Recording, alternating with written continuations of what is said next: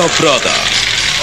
Kali ini mengetengahkan episode ketiga dengan judul Pangeran Puger Balelo.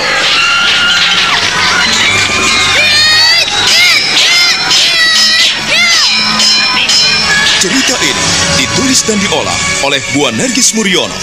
Pengarah cerita dan naskah Agung Bahrodi. Ilustrasi musik Hari Sabar. Teknik dan montase Jenny Mumu. Dengan sutradara Ferry Fadli.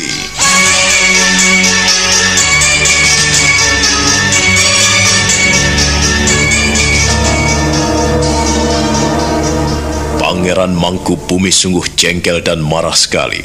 Tetapi dia berusaha menahan diri sebaik-baiknya. Dia pandang mata Puger yang menunduk di hadapannya. Pangeran Puger berusaha membela diri. Dia tak berani membalas tatapan mata tajam pamannya. Bahkan dia merunduk dan memberikan hormat pada pamannya.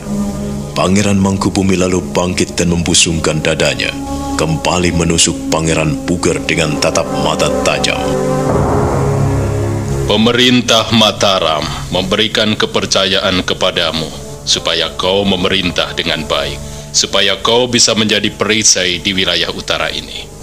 Tetapi kalau kau menyalahgunakan kekuasaan, wewenang, dan kedudukanmu, maka pemerintah Mataram tidak akan membiarkanmu. Paman, saya tidak ada maksud jahat, Paman. Lalu untuk apa kau melatih para pemuda menjadi prajurit-prajurit bersenjata? Ha? Untuk apa? Untuk apa semua itu, Puger? Eh, Kau ini adalah anak tertua. Kau sudah punya anak istri. Mengapa kau tidak memahami? Bacalah baik-baik. Pahami piagam yang diberikan pemerintah Mataram kepadamu. Jangan menyia-nyiakan kepercayaan itu. Aku paling tidak suka melihat orang yang sombong. Adigang, adikung, adikuno. Kau tahu artinya itu? eh, saya Pale. Kau jangan mengandalkan kekuatanmu. Jangan sok kuat, jangan sok agung, jangan sok besar, dan jangan sok pandai. Jangan sok mampu untuk melangkah. Kau ini seorang bawahan. Kalau ingin melakukan sesuatu, bicarakan dulu. Kau tidak menghargai kami yang tua-tua. Kalau kau tetap nekat seperti itu, kau akan hancur, Puger. Dan aku pun tega untuk menghunus pedang. Ampunkan saya, Pale. Sungguh, saya tidak ingin melakukan hal-hal jahat di mata Pale. Saya berjanji, saya tidak akan memberontak. Saya hanya ingin membenahi Kadipaten Demak ini agar benar-benar perkasa, agar benar-benar kuat. Bayangkan saja, Pale, apabila Demak ini hanya memiliki prajurit sejumlah 2000 orang, lalu bagaimana dengan pelabuhan-pelabuhan yang banyak didatangi para saudagar dari seberang lautan, Pale? Aku tidak bisa menerima alasanmu itu. Aku sudah melihat gejala-gejala yang tidak baik saat ini. Aku mohon perbaikilah. Perbaikilah apa yang telah terjadi saat ini. Masalah keamanan Mataram, aku yang bertanggung jawab. Atau kau sudah tidak menghargai aku lagi, Puger? Aku ini sebagai wakil dari bapakmu. Aku ini wakil dari ramamu. Apalagi Kakang Sutowijoyo telah pergi. Untuk itu, kau anak-anaknya harus bisa menjaga diri. Jagalah keutuhan keluarga Mataram. Jangan seenak udalmu. Ampunkan saya, Pale. Saya berjanji, saya benar-benar mendukung Mataram. Bukankah saya sudah sering bilang, Pale, saya ingin menjadi perisai, saya ingin menjadi benteng Mataram, dan saya senang sekali karena diberi kekuasaan di Demak Bintoro yang laladanya luas sekali. Saya mohon, Pale, saya mohon Pale Mangkubumi tidak berpikiran negatif pada saya. Puger, sumpah dan janjimu didengarkan oleh prajurit-prajurit. Dan aku sendiri menjadi saksimu. Apabila kau benar-benar kurang ajar dan kau melakukan hal-hal yang sembrono, jangan menyesal di kemudian hari. Saya, Pale, saya berjanji. Hidup adalah perjalanan. Hidup ini adalah perjalanan, Puger. Puger anakku. Iya, Pale.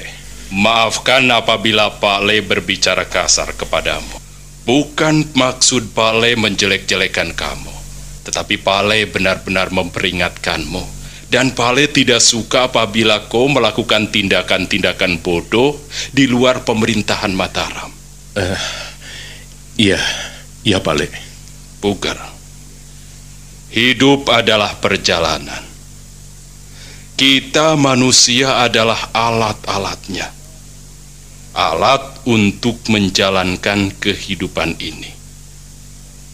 Jangan murka, jangan serakah.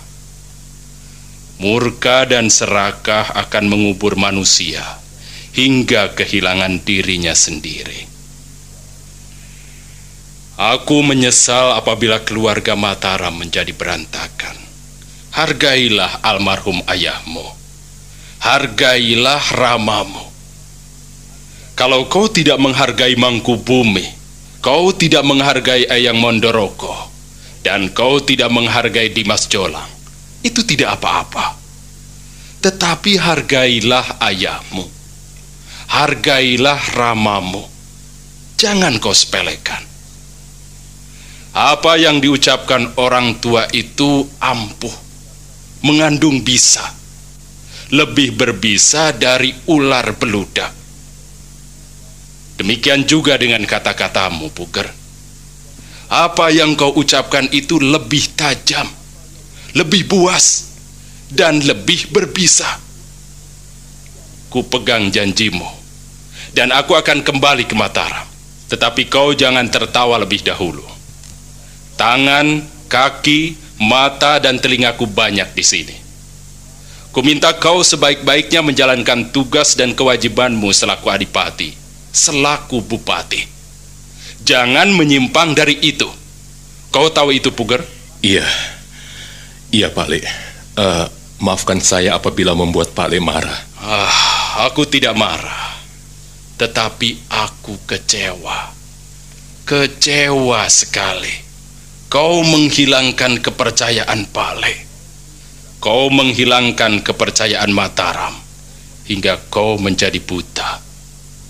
Lupa pada siapa yang memberikan kepercayaan kepadamu. Peganglah kepercayaan itu baik-baik. Jangan sampai pemerintah Mataram tidak percaya lagi kepadamu, sehingga engkau benar-benar terkubur, terkubur dan tidak bisa bangun lagi. Iya, Pak. Ampunkan saya. Maafkan saya. Saya berjanji akan melaksanakan tugas dan kewajiban saya sebaik-baiknya, Pak. Lakukan. Jangan hanya bicara di mulutmu. Aku akan kembali ke Mataram. Ku minta jangan sampai membuat orang lain marah, lalu mencampakkan dirimu.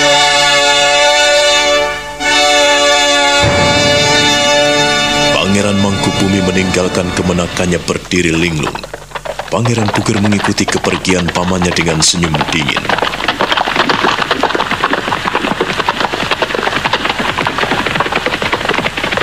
Kembali Pangeran Puger mengangguk-angguk sambil meremas kedua tangannya. Dia memandang debu-debu beterbangan yang ditinggalkan kuda-kuda rombongan Pangeran Mangku Bumi pamannya.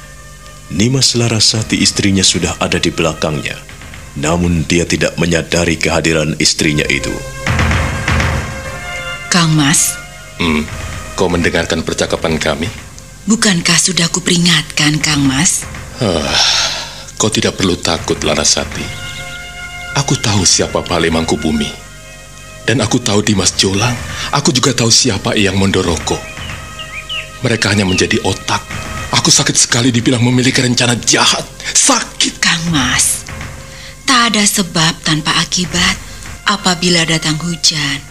Sebelumnya pun pasti angin berhembus dan mendung tebal. Kau tahu maksudku, Kang Mas? Apakah aku salah? Aku tidak salah dan aku tidak merasa salah. Hanya saja mereka mengada-ada. Atau barangkali mereka ingin agar aku benar-benar lepas dari Mataram. Pasti mereka ketakutan padaku, Nimas. ketakutan kepadaku karena aku telah memiliki kekuatan yang jauh lebih besar, Nimas. Jangan seperti itu, Kang Mas. Pak Le benar-benar mengingatkanmu. Kang Mas jangan merasa besar. Jangan, Kang Mas. Aku tidak merasa besar, Nimas. Tetapi aku memang benar-benar besar. Aku tidak mau melihat sesuatu berantakan. Melihat apa yang telah kurencanakan menjadi kacau balau hanya karena Pak Le Mangku Bumi. Kau tahu maksudku, Nimas Larasati? Aku berusaha memahami, Kang Mas. Aku berusaha mengerti. Tetapi Pak Le benar. Pak Le benar. Aku tidak ingin kau tercebur dalam kubangan lumpur yang paling dalam hingga kau tidak bisa bernafas. Jangan, Kang Mas. Mereka tidak tahu, Nimas. Mereka memang benar-benar membutakan matanya terhadapku, Nimas. Aku tidak mau. Aku tidak mau diremehkan orang lain. Dan aku akan memegang janjiku. Aku akan menunjukkan kepada mereka bahwa Puger bisa melangkah lebih jauh, Nimas. Bisa melangkah lebih lebar. Dan satu hal, biar mata mereka terbuka. Puger bisa melangkah sesuai dengan apa yang ada di hatinya, Nimas.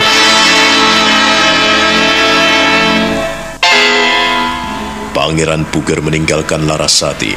Dia lalu pergi menyeberang alun-alun dan terus melangkah tanpa menoleh lagi ke belakang. Nimas Larasati memandang suaminya pergi dengan menggeleng-gelengkan kepala. Putir-putir pening menetes dari sudut matanya.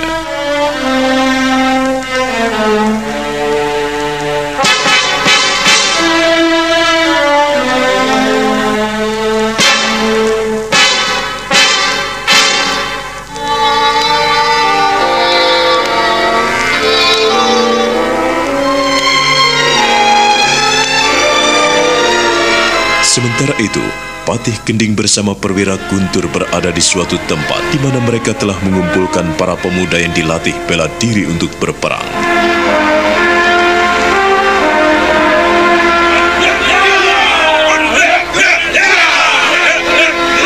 Cukup! Cukup! Berhenti! bagus sekali, bagus sekali. Bagaimana latihan pada hari ini, Guntur? Hmm? Hamba Kanjeng Pati. Hamba berusaha melaksanakan tugas dan perintah. Apakah ada yang layak menjadi pemimpin pasukanmu, Guntur? Sudahkah kau pilih agar mereka melebarkan sayap ke sebelah utara? Hmm? Hamba Kanjeng Pati.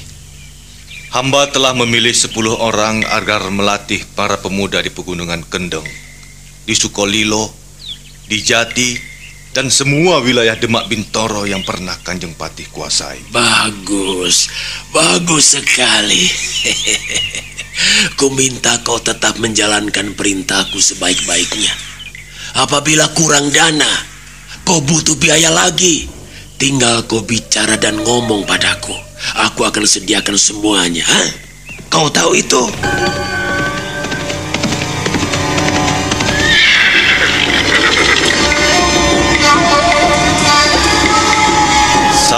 Dan hormat hamba Kanjeng Pangeran.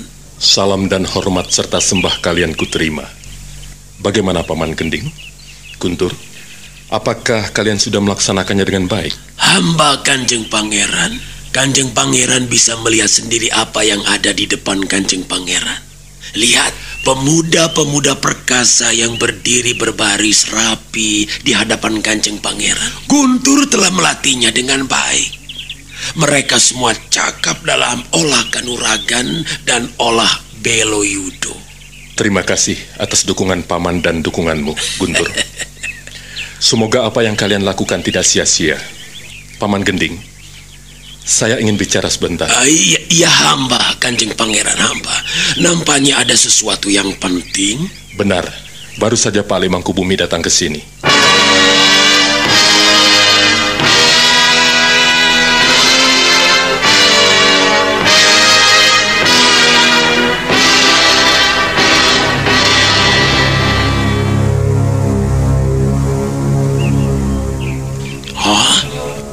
Kanjeng pangeran Mangkubumi kemari? Iya, Untuk apa? Apakah beliau tidak percaya lagi pada kanjeng pangeran? Ah, kanjeng pangeran Mangkubumi kan Manggolo Yudo di Mataram.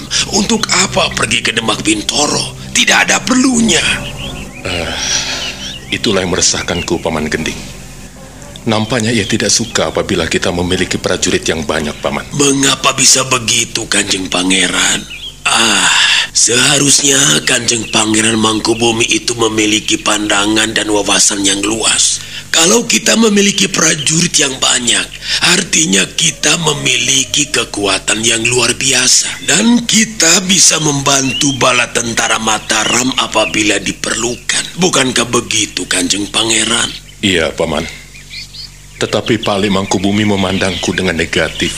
Dia tidak suka aku memiliki prajurit lebih dari 2000, Paman. Untuk itu, kumohon sementara waktu. Latihan dihentikan. Kanjeng Pangeran, hamba tidak bisa mengerti mengapa bisa begitu. Kanjeng Pangeran jangan takut. Bukankah wilayah Demak Bintoro ini sudah menjadi tanggung jawab Kanjeng Pangeran?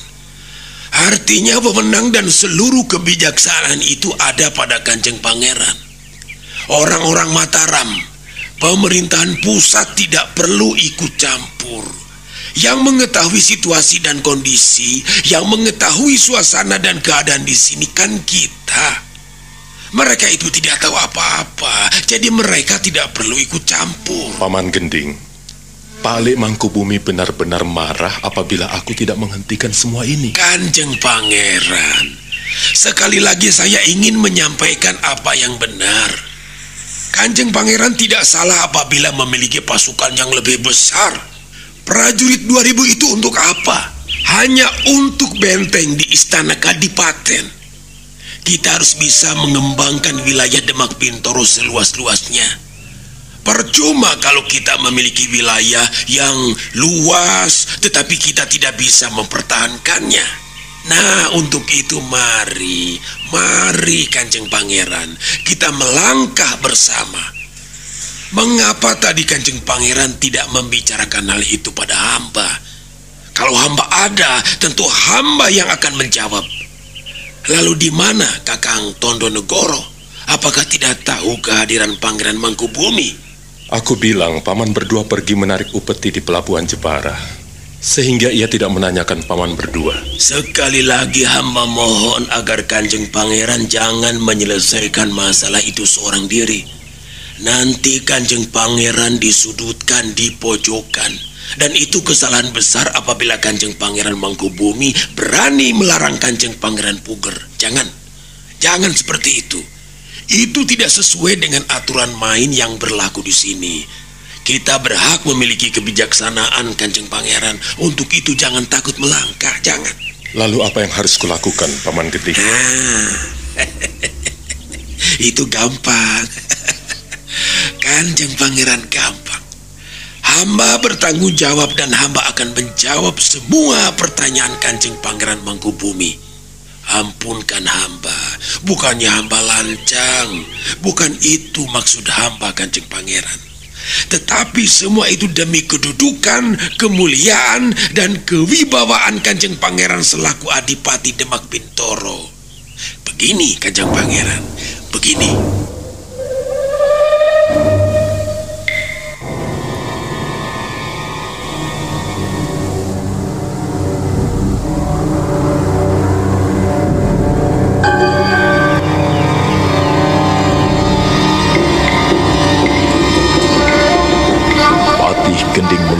Pangeran Puger ke balik pohon besar. Laki-laki tua itu tersenyum dingin, lalu mengangguk-angguk sambil memain-mainkan jemari kirinya, memandang sekilas pada Pangeran Puger yang sejak tadi hanya berdiam diri. Para prajurit yang habis berlatih telah berkumpul dan dipimpin Guntur meninggalkan tempat latihan dengan tertib mereka membubarkan diri. Patih Gending dan Pangeran Puger memandang mereka sekilas. Apa yang kau rencanakan, Paman Gedik? Jangan khawatir, Tuan. Kanjeng Pangeran tidak perlu resah. Semua itu ada di tangan hamba. Hamba akan mengatur sebaik-baiknya bagaimana supaya Kanjeng Prabu tidak cemas terhadap rencana kita. Apabila Kanjeng Prabu mengetahui hal ini sampai mengutus Kanjeng Pangeran Mangkubumi, itu pun bukan soal. Sudah wajar mereka itu kan mengemban tugas di pemerintahan pusat. Jadi masalah-masalah yang ada di sini seharusnya mereka tidak berhak ikut campur. Tidak berhak ikut campur bagaimana, Paman Gending? Demak ini kan ada di bawah pemerintahan Mataram. Kau jangan meremehkan Dimas Jolang. Kalau kau meremehkannya kita benar-benar bisa ditindas, bisa digilas. Ah, untuk itu Kanjeng Pangeran, kita ini menghindari penggilasan semena-mena. Hah? Dengan prajurit yang kuat dan perkasa, mana mungkin kita bisa digilas? Jadi, dengan datangnya Pangeran Mangkubumi ke Demak Bintoro ini, artinya mereka sudah takut. mereka sudah khawatir dengan kekuatan kita yang kita bangun. Kalau kita tidak hati-hati, Paman, kita benar-benar digilas. Aku tidak mau hal itu terjadi. Kanjeng Pangeran, Kanjeng Pangeran. Hambalah yang mengatasi semuanya. Kanjeng Pangeran tidak perlu ikut campur dan turun tangan. Serahkan semuanya pada hamba dan hamba akan melakukan tugas dengan sebaik-baiknya. Masihkah Kanjeng Pangeran tidak percaya kepada hamba? Bukannya tidak percaya, Paman Gending. Hah? Tetapi, Paman mestinya tahu siapa Pale Mangkubumi. Dia itu kalau bicara akan menepati apa yang dikatakannya. Dia mengancamku, Paman. Mengancam Kanjeng Pangeran? Iya. Mengancam? Mangku bumi itu manusia, kita juga manusia Kanjeng Pangeran. Kalau ia bisa melakukan sesuatu, kita juga bisa melakukan sesuatu. Ia bertindak tegas, kita pun harus bisa lebih tegas. Kalau ia melakukan kekerasan, kita juga harus lebih keras menghadapinya. Kanjeng Pangeran. Ya, Paman. Kita tidak boleh seperti caci. Diinjak hanya megal, megol, kolat, kolet. Tidak. Tidak Kanjeng Pangeran. Kanjeng Pangeran tidak boleh tunduk begitu saja pada Pangeran Mangkubumi. Saya tahu. Hamba mengerti siapa beliau. Dia hanya menakut-nakuti Kanjeng Pangeran. Tidak, tidak, Paman. Aku melihat dia sungguh-sungguh. Dia tidak hanya menakut-nakuti, tetapi memperingatkan. Kalau aku tidak merendahkan diri di depannya, mungkin aku mulai dipecat pada hari ini, Paman. Itu permainan otak. Hamba sudah cukup lama bermain otak di Demak Bintoro ini. Kalau hamba hanya mengandalkan satu hal, itu jelas tidak mungkin. Akal, pikiran, dan perasaan harus bergabung menjadi satu untuk menjalankan kehendak. Nah, kalau Kanjeng Pangeran sudah memegang hal ini, maka tidak seorang pun yang mampu mencegah dan menghalangi kita.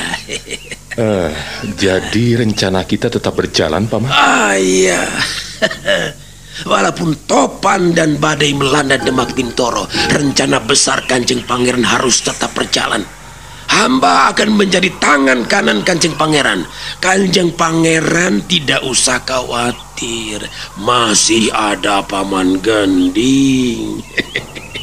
Demikianlah, mulai saat itu, Pangeran Puger benar-benar berada di bawah pengaruh Adipati Gending yang sekarang menjabat pepatih dua di Istana Kadipaten Demak Bintoro.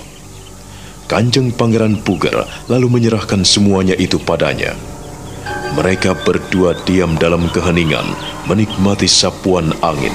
Patih Gending mengangguk-angguk sambil tersenyum dingin.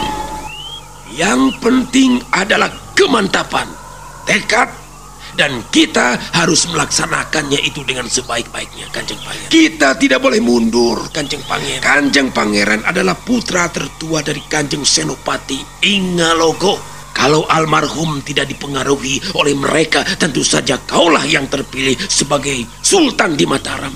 Bukan Dimas Jolang. Pangeran Jolang itu apa? Apa-apa, coba apa? Dia menjadi Pangeran Adipati Anom karena pengaruh orang-orang itu.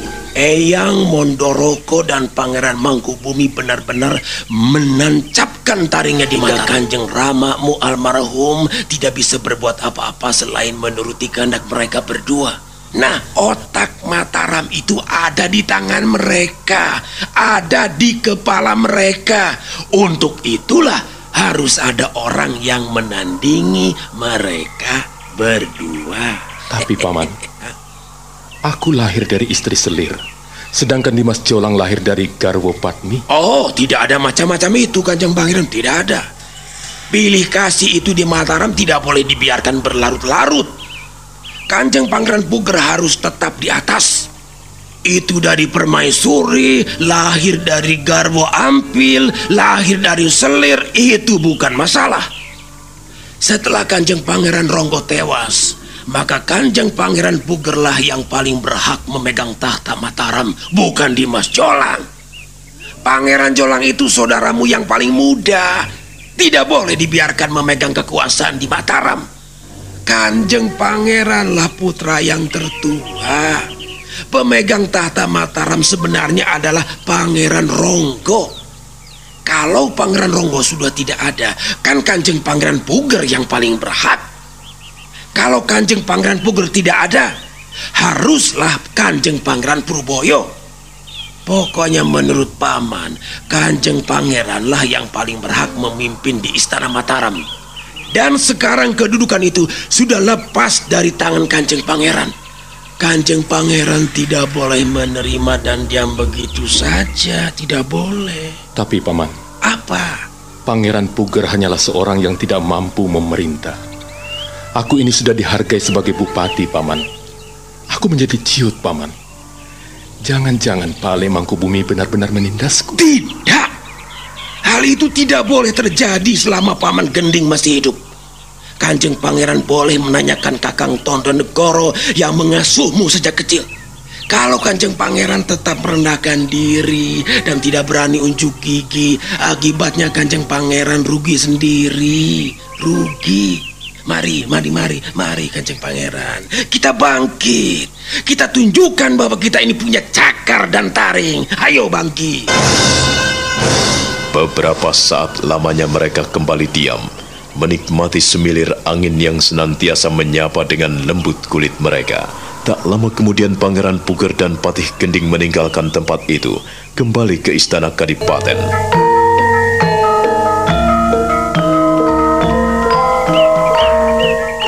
Sementara itu, perjalanan Pangeran Mangkubumi telah sampai di Istana Mataram. Beliau segera menemui Raden Mas Jolang Sang Prabu.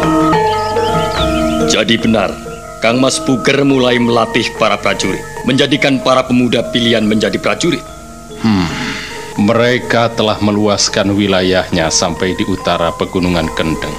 Dan mereka memanggil para pemuda yang gagah untuk dilatih olah Beloyudo. Dan aku tidak akan membiarkannya begitu saja. Aku telah memberikan peringatan untuk yang pertama kali. Kita memang perlu mengawasinya. Kita tidak bisa membiarkannya. Selama Pak Lebo masih hidup. Aku tidak akan membiarkannya ugal-ugalan. Mataram harus tetap tegak. Dan tak boleh kau biarkan puger ugal-ugalan. Sekarang ia benar-benar tak mengindahkan piagam penghargaan yang kita berikan. Ia nampaknya memandang sebelah mata pemerintah Mataram.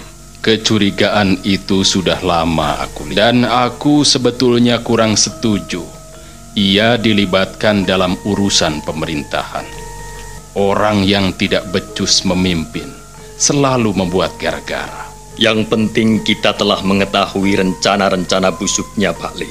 Eyang, biarkan saja. Biarkan saja dan berikan kesempatan. Biar ia memuaskan dirinya, biar ia mengumbar hawa nafsunya, dan setelah itu baru kita menggebuknya. Kalau ia tidak merendahkan diri di depanku dan tidak berjanji ini dan itu, maka hari itu juga akan kucabut dan kutarik kembali piagam pemerintahan Batara. Tapi kita harus hati-hati, Paman Mangkubumi. Kita harus bertindak bijak. Sebab bagaimanapun juga, ia harus kita berikan wewenang dan kebebasan memerintah daerahnya. Biarkan saja sejauh tidak melampaui batas. Tidak melampaui batas bagaimana, anakku? Pemerintah Kadipaten hanya diperkenankan memiliki 2000 prajurit. Dan aku melihat para pemuda yang dilatih bukan hanya 2000.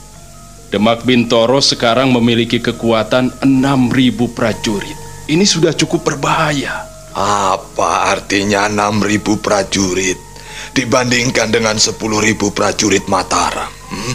Kita harus menyebarkan surat perintah agar seluruh wilayah kekuasaan Mataram menyediakan prajurit-prajurit pilihan.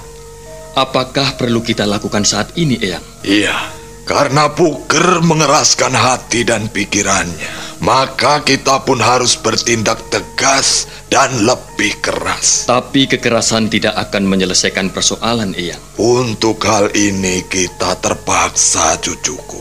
Puger tidak main-main lagi. Jadi kita pun harus sungguh-sungguh menghadapinya. Tidak mengapa, tidak mengapa. Akan tetapi, siapa pun juga yang tidak mengindahkan peringatan kita, kita memang perlu menumpasnya.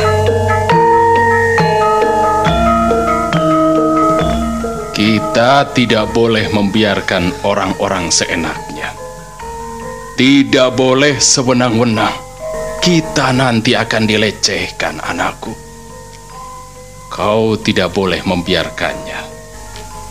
Benar apa yang diucapkan Eyang. Kau harus segera memberikan surat perintah, mengadakan persiapan untuk mengirimkan prajurit-prajurit pilihan dari seluruh wilayah Mataram ini. Peringatkan pada mereka bahwa Demak mulai mengasah taring. Semuanya jadi serba salah. Aku jadi menyesal. Sudah. Tidak perlu menyesal. Tindakanmu sudah cukup bijaksana, cucuku. Memilih dan menunjuk Kang Masmu Puker sebagai adipati di Demak Bintoro. Itu tindakan yang cukup bijaksana. Akan tetapi, jika Pangeran Puker tidak menggunakan kesempatan itu dan tidak memegang kepercayaan yang telah kau berikan, artinya itu menjadi kesalahannya sendiri. Kau tidak boleh merasa bersalah. Kau ini ada di atas cucuku. Ingatlah, ingatlah baik-baik. Kau tentu menanamkan apa yang telah kau baca dalam serat Megotontro. Bukankah Mego benar-benar memberontak terhadap adiknya? Adiknya telah mengalah. Akan tetapi, ia tetap bersikeras dan sampai di bumi pun ia tetap serakah. Inilah yang kurenungkan saat membaca serat itu, Eyang. Ya, Kembang Joyokusumo juga menjadi orang yang serakah. Ia curang sekali. Ia menjadi orang yang pernah melukai adiknya, baik di Kahyangan Suroloyo maupun di bumi ini. Ia tidak akan pernah percaya pada siapa pun. Ia tidak akan pernah puas dengan apa yang dilakukannya, dan ia selalu menuruti hawa nafsunya. Ah, kisah itu benar-benar kualami sekarang. Aku melakukan sesuatu yang keliru pandanganku salah dan kebijakanku telah disia-siakan. Anakku, bukan kau yang salah, tetapi Pugerlah yang salah. Dia yang tidak menerima, dia yang tidak pernah puas. Dia memang murka dan serakah, dikasih hati. Dia minta rempelo. Aku tidak akan membiarkannya. Peringatanmu itu sudah cukup keras, Kanjeng Pangeran. Anakku sudah ke sana. Itu suatu kebijaksanaan yang besar. Biar peringatan itu menjadi catatan hidupnya. Kalau benar-benar ia melanggar peringatanmu, baiklah. Secara resmi, cucuku harus segera menulis surat perintah. Surat peringatan buat Puger di Demak Bintoro. Haruskah itu saya lakukan sendiri, Eyang? Jangan ragu-ragu untuk bertindak. Lakukanlah seperti Betoro Yomotipati. Ia akan menindak tegas siapa pun yang bersalah. Dia akan menyingkirkan para perusuh negara. Dia akan menghukum orang-orang yang bersalah tanpa pandang bulu. Tanamkanlah itu baik-baik. Iya, Yang. Akan tetapi, saya saya benar-benar tidak tahu mengapa hal ini bisa kualami dan bisa terjadi seperti ini. Kang Mas Puger telah menyia-nyiakan kepercayaan kita. Jika benar-benar kita telah bertindak, dia akan tahu. Oh, siapa sebetulnya dirinya yang tidak tahu diri itu? Lain halnya kalau kita membiarkannya, maka ia akan semakin kurang ajar. Aku akan ada di depanmu dan aku akan menghunus pedangku.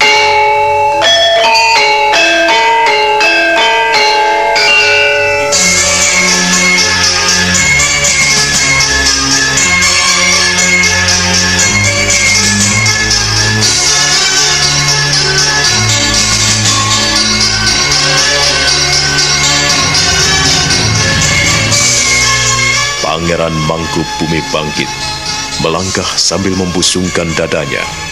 Tangan kanannya mencengkram gagang pedang yang tergantung di pinggangnya. Eyang Mondoroko pun ikut bangkit, lalu melangkah mendekati Raden Mas Jolang Sang Prabu. Sang Prabu sendiri hanya bisa diam dengan tatapan mata dingin. Nah, bagaimana kisah selanjutnya? Saudara pendengar, silahkan menunggu seri berikutnya dalam serial Wahyu Astabrata ini. Sampai jumpa.